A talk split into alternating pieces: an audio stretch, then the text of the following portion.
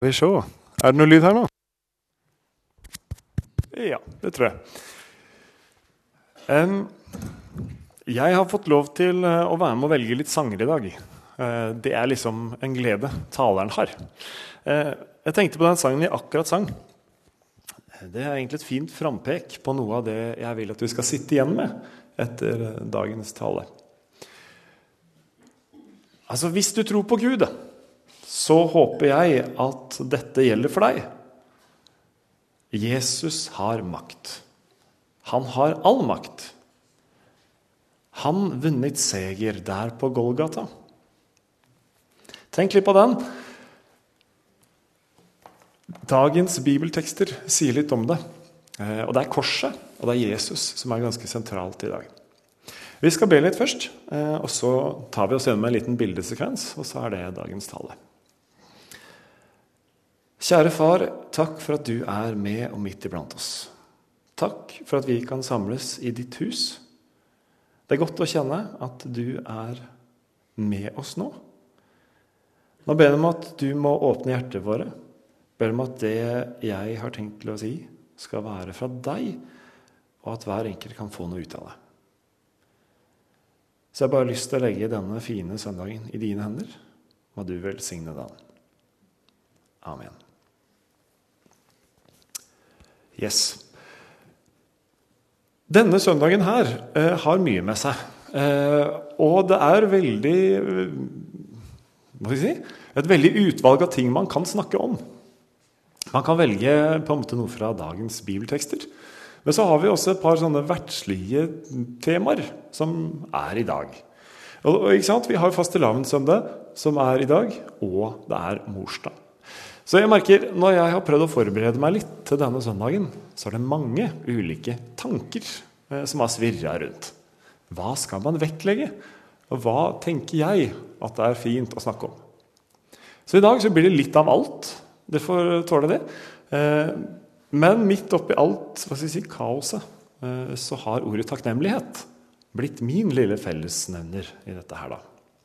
Jeg skal prøve å forklare litt hvorfor. Jeg kan ta neste. Kjetil. La oss begynne med dette her, da. Morsdag. Gratulerer til alle mødre. Bra jobba, og dere fortjener en egen dag. Eh, det er noe fint med å sette av en dag til det. Eh, I hvert fall i tanken av liksom, takknemlighet. Jeg håper og tror at vi alle har noen minner eller noen tanker om vår egen mor, og ser tilbake på noe fint. Enten om det er lenge siden, eller om det er nå. Jeg er helt sikker på, eller håper og tror, at vi alle har noe godt å tenke på når vi tenker på vår egen mor. Så det er jo en del av dagen i dag. Hvis vi tar neste, så er det også dette med fastelavn. En Ja, hva skal jeg si? Jeg syns det er litt merkelig. Eh, og, og, morsomt og fint på samme tid. Eh, jeg er sånn sett glad for at jeg fikk muligheten til å gå litt mer i dybden av hva dette er for noe. For jeg tror veldig mange så er dette bare farger og fjas og boller med krem. Eh, men det gir litt mer mening når man ser på betydningen av det. Men der er vi altså i dag, da. Med fastelavn og morsdag. Så det blir et sånn herlig kaos av kanskje kaker og slabras. God stemning, kaffekos. Ikke vet jeg om dere skal pynte dere og ha karneval etterpå. Men det er jo en del av greia. Så er det kanskje en del som har fastelavnsris som pynt. Så der er vi. Mange ting med dagen i dag. Så har vi også søndagens tekster, som sånn sett passer selvfølgelig da bra inn med hvor vi er i kirkeåret. Fastelavn handler jo om en sånn slags siste oppfetning, hvordan si det? En sånn siste hva skal jeg si, Kall det fest, eller matgilde, før vi skal inn i et dypere fokus med disse 40 dagene. Og, og det hva skal jeg si, alvorlige, flotte påskebudskapet. Så jeg føler vi står på en måte i dag med en sånn ok, litt sånn siste store feiring, på en måte.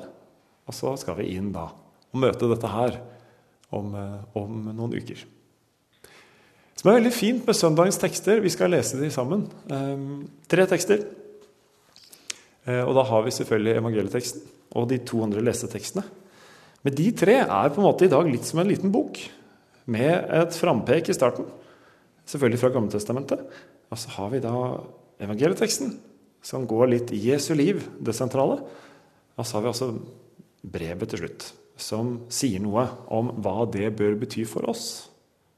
Syns det passer liksom med en sånn slags innledning, hoveddel, avslutning. Vi skal se litt på det òg. Så når jeg jobba med dette her, da Kan jo ikke stå her uten å snakke om skolen. Eh, Granli skole. Eh, vi har hatt dette temaet i eh, januar.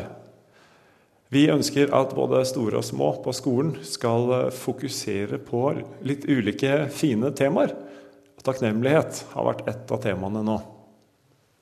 Det er når vi legger merke til og er glad for noe som skjer, og sier det. I dag tenker jeg at jeg er veldig takknemlig for alle verdens mødre. Jeg er veldig takknemlig for alt det vi har av eh, goder. Og den siste veldig takknemlig for korset og frelsen, som tekstene peker på. Så mye å tak være takknemlig for. Vi skal se litt mer på hvorfor også. Ja, fastelavnssøndag. Her har jeg rett og slett uh, googla litt, som de sier. Uh, kommer fra tysk, da. Kvelden før fasten. Altså bollesøndag. Det er vel et da konsept å fete seg opp og kjøre både hvetemel, gjærbakst, kremfløte osv. Eh, en ordentlig kalorifylt rett, kan man si. Som også kanskje er et symbol på dette her med eh, å fylle seg opp da, før fastetid. Fastelavnsris den var litt nytt for meg, men for mange andre vet kanskje dette her. Piske frem fruktbarhet hos unge, barnløse hustruer. Syns det var litt spesielt. Liksom, ja vel, ok. Men uh, det er greit. Um, ja, jeg tror kanskje de fleste ser på det som pynt nå. Ja, men det er visstnok en tradisjon da, langt tilbake i tid. Mm. Og så er det dette med karneval. Betydningen av det. Å fjerne kjøttet betyr det visstnok. Eh, jeg ser jo ikke helt for meg det, liksom, når jeg ser for meg disse karnevaldraktene. Eh, men betydningen skal være det. da. Så det passer jo sånn sett. Med en sånn ordentlig karnevalfest og så skal da kjøttet fjernes. Alt skal fjernes. på en måte før fastetid. Mm. Ja. Så skal vi da eh, framover nå i dagene eh, mer over i en alvorlig tankegang. Ikke alvorlig, mer si, en dypere tankegang, som er fin. Fastetiden med bot og ettertanke. Jeg tenker det er fint med fastetid å ta vekk mest mulig. Og begynne å tenke. Litt uh, som Kjetil snakket om også innledningsvis. Hva bruker vi tida vår på? Setter vi av tid til bønn, ettertanke? Hvor mye tid får Gud i hverdagen vår? Ja, det er noe fint med denne faste tida. Så her har vi da nederst uh, rekka med dager. Vi er nå på fastelavnssøndag. Så kommer ukedagene bare alle her, da. Mm. Jeg sa at søndagens tekster henger litt sammen, som de alltid gjør. Vi har en tekst fra Jesaja som peker da på Jesus og denne frelseren som skal komme. Så har vi en tekst da fra Johannes som sier noe om hvordan ting var midt oppi trappene til påske, rett i forkant der. Og så ser vi et brev da fra Paulus til korinterne som sier noe om at det som skjedde på Golgata, korset, det kan bety fryktelig mye for oss kristne. Men for de som ikke tror, så blir det på en måte bare ja, en historisk hendelse som ikke rører noe hjerte. Så jeg håper jo, da, for denne gjengen her, at det har noe betydning for oss. Det som skjedde den gangen på Golgata, det er noe vi kjenner på som en bra ting. Vi leser tekstene sammen. Jesaja. Da står jeg litt her, ja. Da ser jeg bedre. Jesaja 53. Hvem trodde budskapet vi fikk? Hvem ble Herrens arm åpenbart for? Han skjøt opp som en spire for hans ansikt, som et rotskudd av tørr jord. Han hadde ingen herlig skikkelse vi kunne se på, ikke et utseende vi kunne glede oss over. Han var foraktet, forlatt av mennesker, en mann av smerte, kjent med sykdom, en de skjulte ansiktet for. Han var foraktet, det regnet han ikke for noe. Sannelig, våre sykdommer tok han, våre smerter bar ham. Vi tenkte, han er rammet, slått av Gud og plaget. Men han ble såret for våre lovbrudd, knust for våre synder. Straffen lå på han, vi fikk fred. Ved hans sår ble vi helbredet. Hmm. Jeg fikk et spørsmål av guttungen senest i går. Pappa, Gud og Jesus, det er samme, er ikke det? Sa jeg jo, det er det. Jo, men hvorfor er han to, da? Og det er jo sånn der Æsj, kan ikke du spørre om noe annet? Eller Ja. Det er jo ikke så lett. Og det å prøve å forklare det til små, det syns jeg ikke er så lett. Men jeg prøvde meg på en sånn, og kanskje det, dere kan være med på nå eh, Veldig glad for at Gud har vist seg som menneske. Jeg tenker at det kanskje har vært mye vanskeligere å fatte hvem Gud er, hvis vi ikke hadde fått noen eksempler. Så jeg prøvde meg på en sånn forklaring. Um, og jeg føler det er litt det som både står her nå, da. At hvis vi hadde fått vite at ja, Gud eh, led smerte for oss, han ofra livet sitt for oss, det eh, er jo fantastisk. Men det at vi faktisk fikk se det i menneskelig kjøtt og blod, det gjør det lettere å fatte. I hvert fall for meg. Så det er jo litt det her det står, da. At at Gud kom ned. Eh, han var ikke noe spesiell å se på, osv. Men jeg legger i hvert fall det i denne teksten her. Da. At det at Gud kom ned som menneske, det gjorde det mer konkret og lettere å forstå. Lettere å fatte. Så for meg som liker konkrete ting, så er det en veldig stor glede. Vi kan se på den neste teksten, eh, Kjetil. Den er da fra Johannes. Eh, og da bygger det opp til høytiden og påskehøytiden. Johannes 12, 20. Det var noen grekere blant dem som var kommet for å tilbe under høytiden.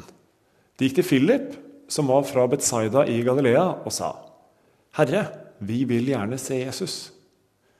Philip gikk og fortalte det til Andreas, og sammen gikk de og sa det til Jesus.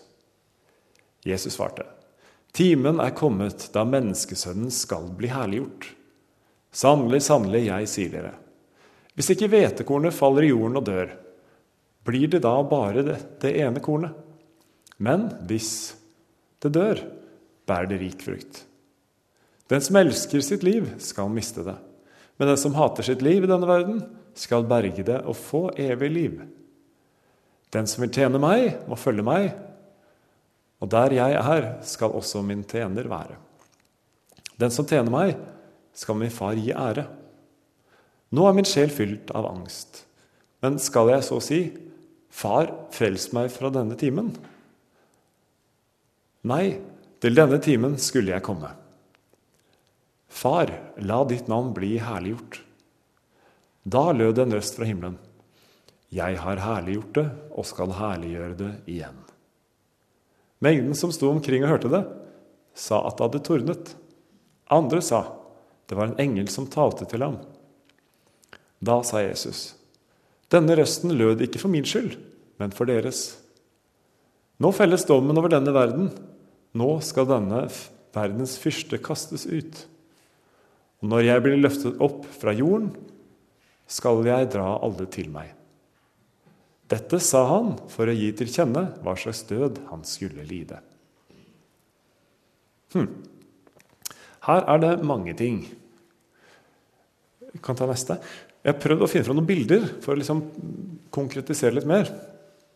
Hvis vi tenker påskehøytida, en tradisjonell eh, høytid som har vært i mange mange år Jesus var jo sjøl jøde og var vel i Jerusalem for å feire.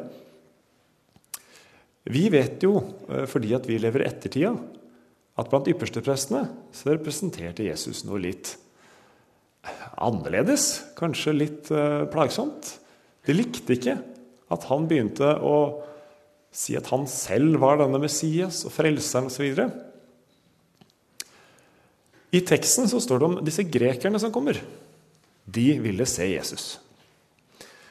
Og de ville da se han rett eh, i opptroppene til påskehøytiden.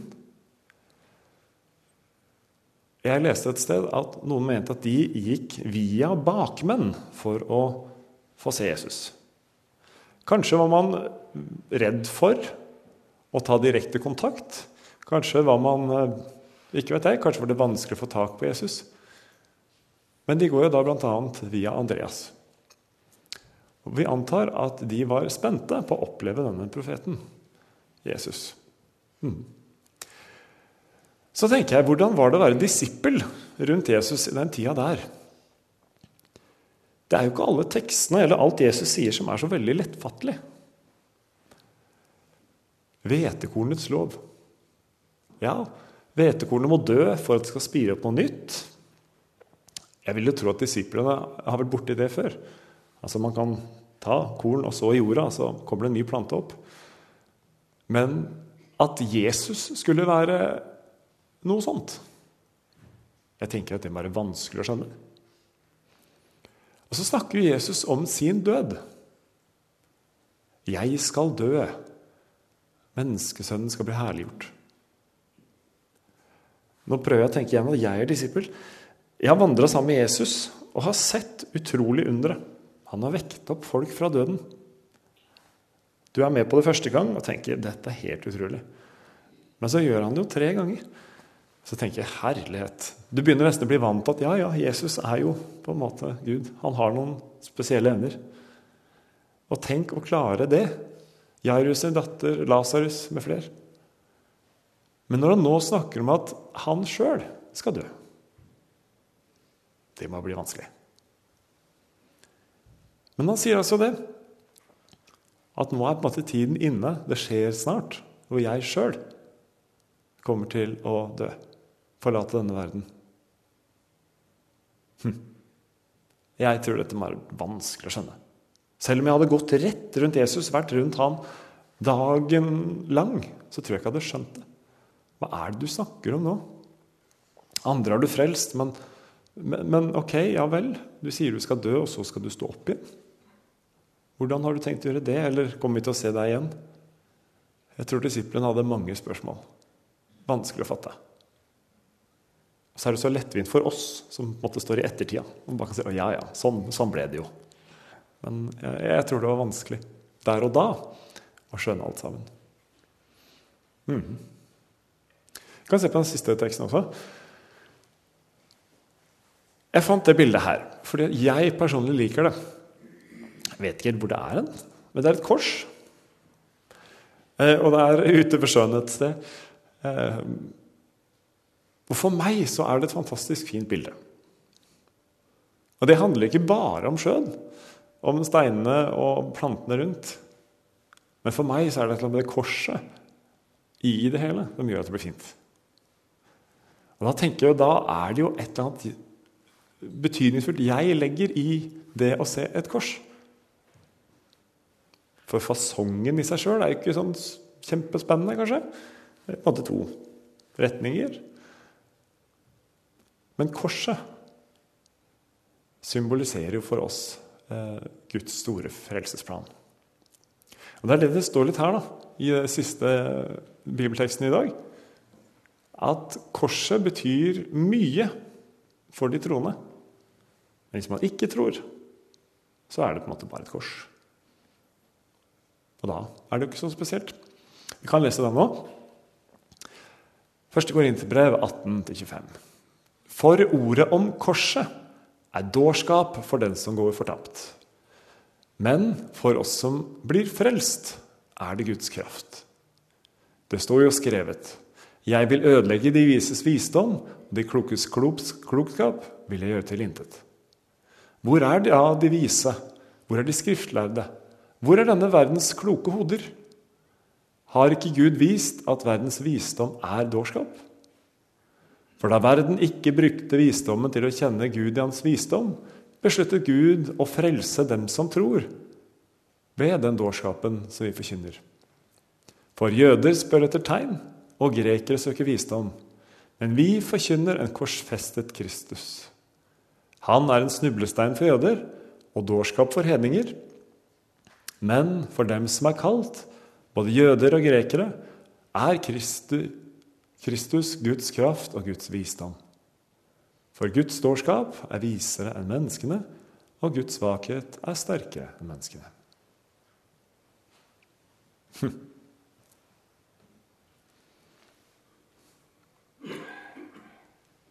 Korset er redninga vår. Og det vil jeg at vi skal ta med oss i dag. Vi kan ta neste bilde, Kjetil. Jeg vil at du skal kjenne litt på det sjøl. Hva kjenner du når du ser et kors? Kjenner du at dette her er redninga vår? Jeg håper det.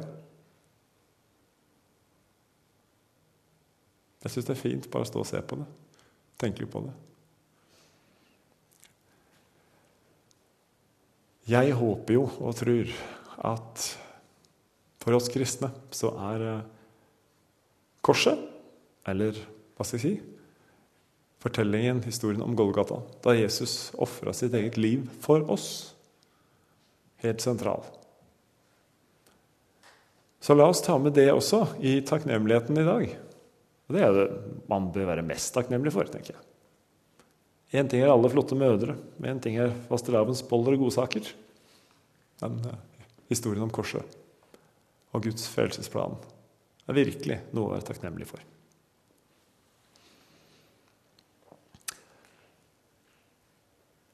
Så om dere ikke husker så mye av det jeg har sagt eh, Jeg tenker at vi har mye å være takknemlig for. Jeg kan ta neste også, Kjetil. Mødrene våre mødrene til våre barn, kan vi også egentlig si. Alle livets goder. Jeg kjenner vi har veldig mye å være takknemlig for.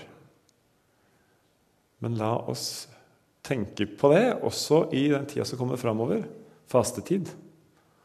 La oss la budskapet om påsken, budskapet om alt det Jesus ofra og led for oss for å redde oss, det bør være det viktigste og det mest sentrale å være takknemlig for. Så da vil jeg bare avslutte med ett ord. Hmm. Det var det jeg ville si til dere i dag.